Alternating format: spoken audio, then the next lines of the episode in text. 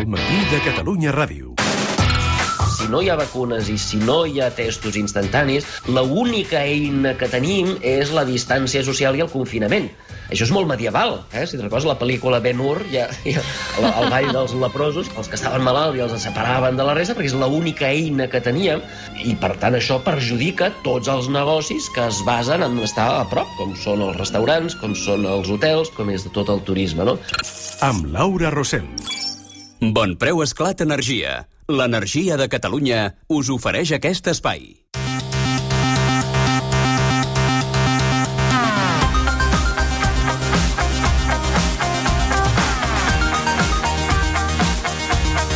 Xavier Sala i Martín, molt bon dia. Hola, molt bon dia. Com va tot? Molt bé, vosaltres? Bé, doncs aquí pendents que ens apliquin més mesures de, de restricció perquè se'ns està disparant la, la cosa de contagis i d'ingressos de, de coronavirus. Però eh, molt pendents també de com afecta això l'economia i, i per això sempre aquí a l'Informe Sala i Martín estem molt atents a, a les afectacions econòmiques de, de tot i, i ara aquests últims dies hem estat analitzant eh, la presentació d'aquest pla de recuperació que ha fet eh, Pedro Sánchez, un pla per eh, aprofitar els fons europeus anticovid que vol mobilitzar 72.000 milions d'euros en 3 anys. Clar, són unes xifres que, que fan faradat, eh? Uh, creació de 800.000 llocs de treball nets fins al 2023, que és casualment quan acaba el mandat de Sánchez i del seu govern de coalició. Què en pensa Xavier Saler Martín d'aquest pla del govern Sánchez? A veure, doncs, de deixem, deixem organitzar Sí. amb tres idees bàsiques. D'acord, sí, millor. Primera, primera la, la, la, la gran lliçó del Covid, a mi em dóna la impressió que és que eh, el debat que hem tingut sobre la mida del govern eh, no està desenfocat. Uh, la mida del govern, és a dir, els, la gent d'esquerres demana que el govern ho, ho, ho, ho faci tot, la gent de dretes el que vol és que el govern desaparegui, eh, eh, el govern més gran, el govern més petit. Fixeu-vos que eh, eh, la mida del govern no ens ha donat cap indicació sobre qui, el, els països que han funcionat i els que no. Hi ha hagut governs grans com Bèlgica, Suècia o el mateix Espanya que han sigut desastres eh, totals, hi han hagut governs petits com Singapur, Taiwan i Corea que han sigut un gran èxit, han hagut governs grans com Alemanya que també han estat un gran èxit, i han hagut governs petits diguem, relatiu a l'economia, com els dels Estats Units, que han sigut un enorme desastre. Per tant, aquest debat de go govern més, més govern o menys govern és desenfocat. Aquí el que ha funcionat són els governs els governs intel·ligents, els, els governs eficients. Uh, per exemple, Singapur té un govern molt, molt, molt petitet, Uh, però que fa coses que serien horroroses per la gent de dretes. Per exemple, paguen salaris extravagants en els funcionaris, eh, que poden arribar a cobrar fins a un milió de dòlars de salari, cosa que la gent de dretes d'aquí s'estiraria els cabells per, eh, perquè seria un, un, una, una, una, un escàndol, però en canvi en els funcionaris que no funcionen per exemple els mestres d'escola que es trien els millors, es paguen monumentals quantitats de diners, però si no funcionen se'ls acomiaden, cosa que acomiadar treballadors seria un escàndol per l'esquerra. Uh, però d'aquesta manera han aconseguit un dels governs més eficients de tot el planeta i això s'ha vist en el Covid. Es veu en altres exemples, però es veu en el Covid. Uh, per tant, el problema que tenim nosaltres és que, uh, diguem, uh, el, la qualitat del govern espanyol s'ha vist que era molt deficient mm. I, en canvi, el qui decidirà com es gasten aquesta muntanya escandalosa de diners seran aquests mateixos funcionaris que han demostrat una incompetència supina. És més, entre el, les partides que, que hi ha, entre els llocs on volen gastar els diners, fixa't que no hi ha res que digui eh, pensar en com millorar la qualitat del govern. No hi ha cap possibilitat de reformar l'Estat per fer que els funcionaris siguin més eficients, per demanar-los eh, garanties de que treballaran de debò. Eh, I no hi ha res. Es parla de l'educació, de la modernització, del pacte de la ciència, de les Mm. infraestructures, la transició energètica, però no hi ha res que sigui relacionat amb la qualitat del govern. Aquesta és la primera idea. Segona idea, Espanya és coneguda en el món de, la, de les economistes eh, institucionalistes com una economia extractiva. Això vol dir una economia on un, les elites, les elites econòmiques i les elites polítiques, doncs confabulen per extraure les rendes de la resta de la societat. Hi ha una, tota una casta eh, de funcionaris, de jutges, de grans empreses. Eh? Aquí el coneixem com l'economia del pal, de, de, de la llotja del Bernabéu, eh? i l'exemple la tenim precisament en el, el tracte que va tenir l'empresa que feia terratrèmols, que fabricava terratrèmols, l'empresa Castor de Florentino, que malgrat que va acabar... Home, no fabricava terratrèmols, però no els provocava, eh? Ah, bueno.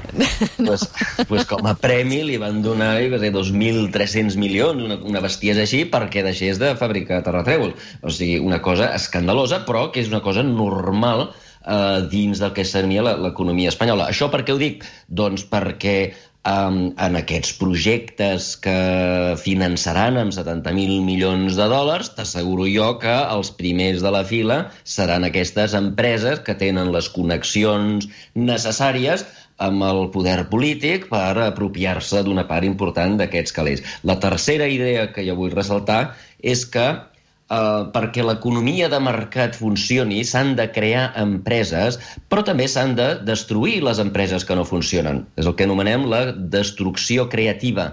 Uh, hi ha moltes empreses ineficients, hi ha moltes empreses insolvents que s'han de tancar i que uh, per, per aconseguir que l'economia funcioni és tan important no mantenir en vida economies, empreses zombis, com va passar, per exemple, durant molt, molt de temps amb els bancs zombis, amb aquells bancs que havien fet fallida i que hem tardat anys i anys i anys a tancar, i bueno, que al final no vam tancar, van haver, van haver de ser absorbits per altres bancs, doncs aquest procés de destrucció creativa doncs, jo crec que pot acabar Eh, diguem, que hauria d'existir, aquí no existirà perquè el govern utilitzarà, tindrà la temptació d'utilitzar aquests diners per mantenir vives empreses que haurien de tancar. I aquí no estic pensant en restaurants que ja han tancat, i han tancat més de 60.000 restaurants i bars. Eh, estic parlant en empreses com, per exemple, Ibèria, eh, empreses com Ibèria que la intentaran salvar perquè té connexions polítiques, però que en I, realitat... I l'haurien de destruir? Hauríem de fer una empresa d'aviació eh, que, que funcioni, que guanyi calés eh, i que no tingui eh, constants ajudes de l'Estat, que no tingui favoritismes polítics eh, a l'hora de donar slots en els aeroports. Eh, hauria de ser una empresa competitiva, no una empresa simplement perquè és espanyola, doncs eh, encara que ara ja està en mans, està, diguem, està en pla d'un conglomerat de, més gran, en el qual hi ha també British Airways, però diguem, un, un, és un exemple d'una empresa ineficient que mantenim viva amb els calés dels contribuents simplement perquè porta la bandera. No? Uh, I en aquest sentit és important que adonar-se que Uh, diguem una cosa que ja es deia, que ja dèiem tots des de fa molts anys, de compte, compte, compte, que Espanya té tots els ous posats en un sol sector, que és el sector turisme si el sector turisme per alguna raó fa fallida, doncs farà fallida una part important, que, és, que, que és gairebé la tercera part de l'economia espanyola, que és el turisme. Uh, I aquesta cosa que no havia de passar, ha acabat passant, ha sigut un virus que afecta els negocis de contacte. El turisme és, per definició, un negoci de contacte. De contacte vol dir en, en el que els humans s'han de, diguem, d'apropar els uns als altres i això ha fet que els països que depenen del turisme doncs, patissin molt més que els països que estan diversificats. En aquest sentit, eh, el que cal fer és buscar eh, altres sectors que, que, que, que no siguin, la, que no siguin, que no siguin la, la, el turisme o els negocis de contacte perquè doncs, per, simplement per, per, per sanitat, per, per, per eh, de sanitat econòmica. No es pot tenir tots els ous a la mateixa cistella perquè si eh, digueu, cau una pilota de futbol en els ous, te'ls trenquen tots i no queda res. Um, i, i, I a mi em dóna la sensació que aquests buròcrates que són amics de les grans companyies i aquests buròcrates que han demostrat una enorme incompetència a l'hora de gestionar el Covid, eh, a l'hora de prendre decisions, el que intentaran serà salvar moltes, moltes companyies de turisme, molts restaurants, moltes cadenes d'hotels i tal, i a mi em sembla que això pot acabar sent un error greu perquè eh, evitarà la diversificació que tant necessita l'economia espanyola. Ah, si ens centrem en l'economia catalana, específicament, la Generalitat ja s'ha començat a moure per, per saber quins projectes poden finançar-se amb aquests fons. Com haurien de ser els projectes que aspirin a aquests diners? Doncs uh, no ho sé. Uh, de, de fet, no sé ni si l'hauria de decidir la Generalitat o si haurien de decidir aquests funcionaris. Uh, per què ho dic, això? Perquè, diguem, el, el, normalment els qui han de decidir aquest tipus de coses no són uh, les empreses, els governs. Uh, perquè, i em deixem que et doni un exemple. Mira, de, dues setmanes abans dues setmanes abans de, la, de que els germans Wright uh, fessin el primer avió, eh? dues setmanes abans de que els germans Wright fessin el primer avió, el, el govern dels Estats Units havia estat assajant un projecte amb un gran catedràtic que es deia Langley, que bàsicament volien inventar l'aviació, volien inventar l'avió, i van fer proves i proves. Segur que heu vist vídeos d'aquests avions amb, amb sis ales que es col·lapsen, que, que, que acaben diguem, pel seu propi pes, que acaben tots a terra. Tot això són proves del govern intentant fer una gran innovació que era l'avió. Um, doncs bé, de, després de gastar milions i milions de dòlars, van acabar decidint uh, que això de fer màquines que pesen més que l'aire i que acabin volant és impossible. Eh? Només podrem volar amb, boros, amb, vol, amb, amb uh, globus aerostàtics, però això de fer avions és impossible. Doncs bé, dues setmanes des, més tard, dos joves diguem, que eren propietaris d'una taller d'arreglar bicicletes, que eren els germans Wright, van aconseguir fer volar un avió, Uh, i, i, i això ho van fer a través de prova i error, a través de modificar bicicletes, que era el que sabien, i posar-los unes ales que venien dels, de, dels planejadors i tal i qual, i, i ho van aconseguir. Eh? Els, el govern intentant, diguem, dilapidar quantitats enormes de diners no va saber fer les coses bé. I en aquest sentit, que, que, diguem, que el govern hagi de decidir quins plans eh, quins plans eh, eh, quins plans funcionaran, quins projectes funcionaran, eh, doncs, eh, doncs no, no, jo no sé si no saber no sé ben bé si ho podran fer, no sé si són capaços de fer. Per què? Doncs perquè no ho saben. És a dir, què, què és el que convé a l'economia catalana? Necessitem, per exemple, es parla de fer un, un, un, un centre de supercomputació a Barcelona. Sí. Això és el que vol l'economia catalana, això és el que necessita l'economia catalana. Què farem amb aquest centre de supercomputació? Necessitem això o un Amazon català? Eh? Ara que tots comprem amb Amazon, ara que hem vist la necessitat de, de poder tenir una empresa que distribueixi, això és el que necessitem? O necessitem empreses que fabriquin panells solars eh, per, per, per fer-los que siguin més barats que el petroli i així poder d'una manera, diguem, senzilla eh, evitar l'emissió de, de CO2. Eh, hem d'apostar millor per les universitats o perquè hem d'apostar per les universitats perquè siguin els joves mm, que, que tenen que saben de ciència, els que surten de la universitat, que siguin ells els que decideixin què és, quin tipus d'empreses volen fer. Eh, a mi em sembla que no tenim ni idea Eh, jo no tinc ni idea, però estic segur d'una cosa, i és que els consellers tampoc no tenen ni idea. Doncs no és gaire esperançador que no tinguin ni idea els, uh, els que estan al capdavant de, del govern. Uh, professor Sala i Martín, et volia demanar també per una altra qüestió, no estrictament relacionada amb l'economia, sinó amb, amb el Barça. T'he de demanar pel Barça. Uh, a veure, què pensa Xavier Salamartín d'aquesta de, decisió del Barça de portar les firmes de la moció de la censura eh, contra la directiva davant la Guàrdia Civil, a més amb aquestes explicacions que, que els advocats del club van, in, van intentar donar, van intentar la setmana passada en diferents uh, programes, entre d'altres al Tot Costa. Uh, és una estratègia per guanyar temps, tot plegat? Uh, a veure, no sé, no sé per què ho fan. Avui, avui només em fas preguntes que no sé la resposta, eh?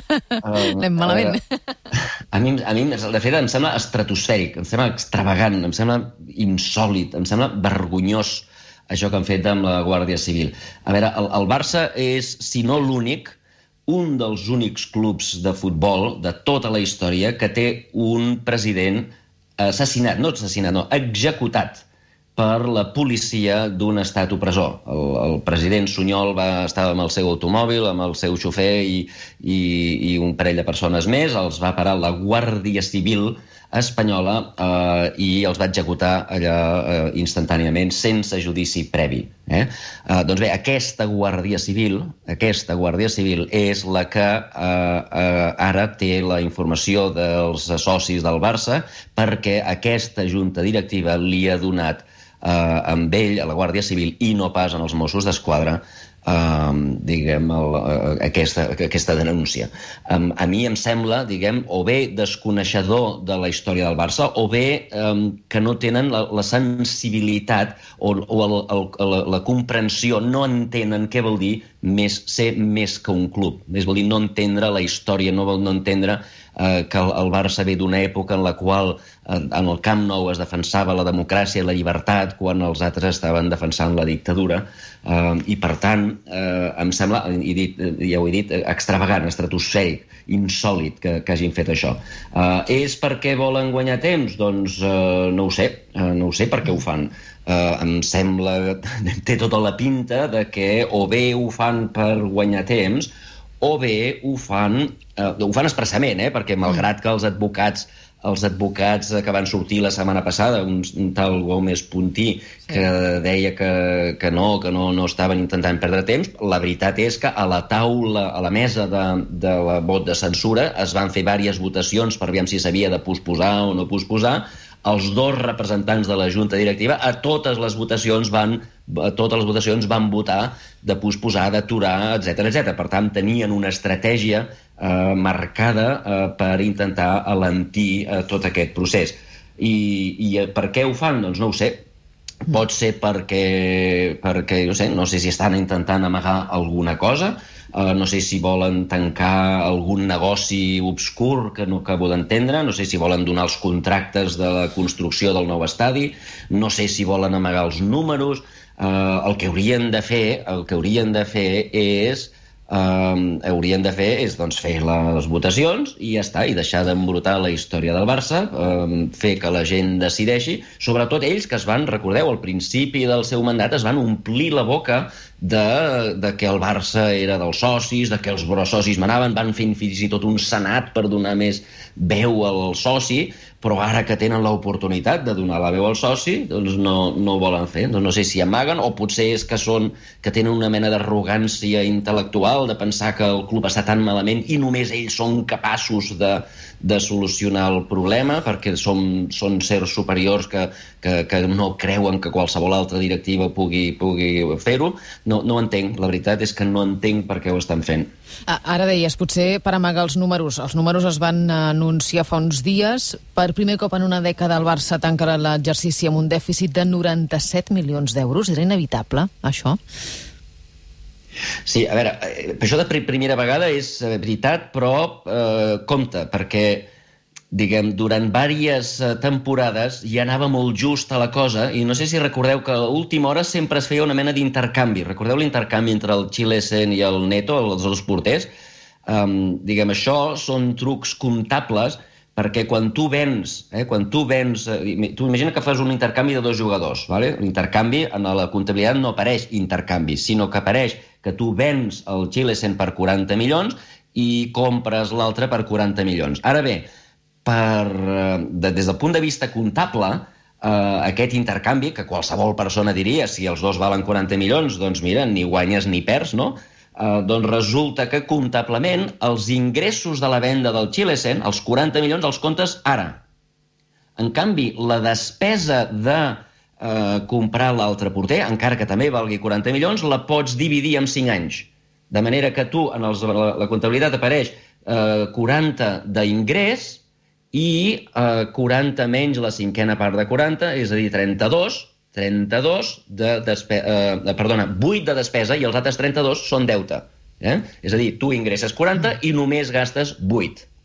Fixa't que, eh, diguem, de sobte, per un intercanvi que realment no és ni benefici per ningú, Mm. Doncs a la comptabilitat diu que has guanyat 32 milions. Aquests 32 milions te'ls sumes a les pèrdues que tenies i eh, dones un total d'uns guanys de 2 o 3 milions. No, no has guanyat 2 o 3 milions, has ja. perdut 30. El que passa que la comptabilitat no, no ho reflecteix. Eh?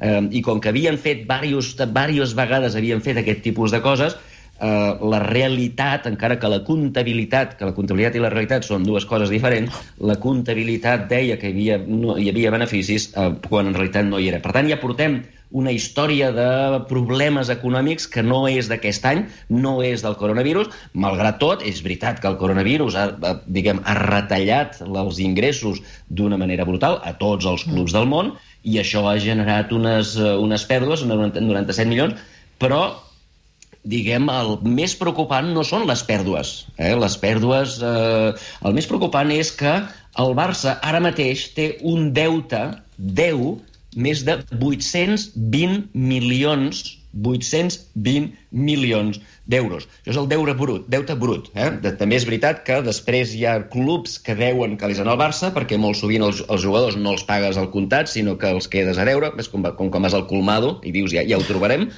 doncs, doncs, si t'ho deixen eh, fer, clar.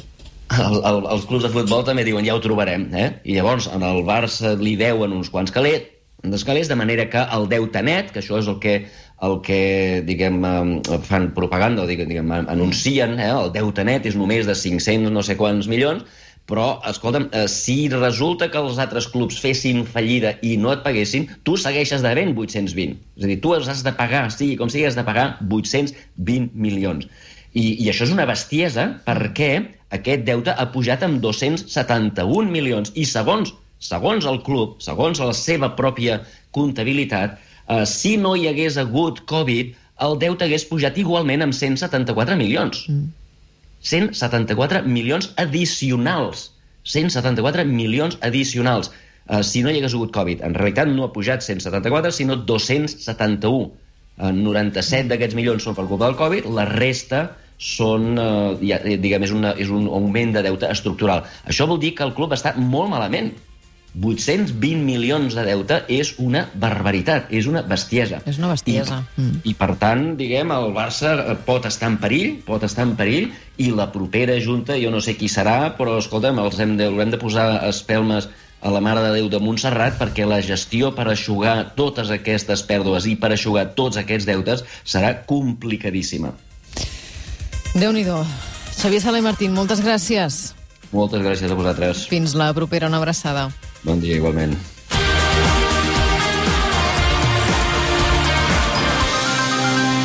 El matí de Catalunya Ràdio, amb Laura Rossell.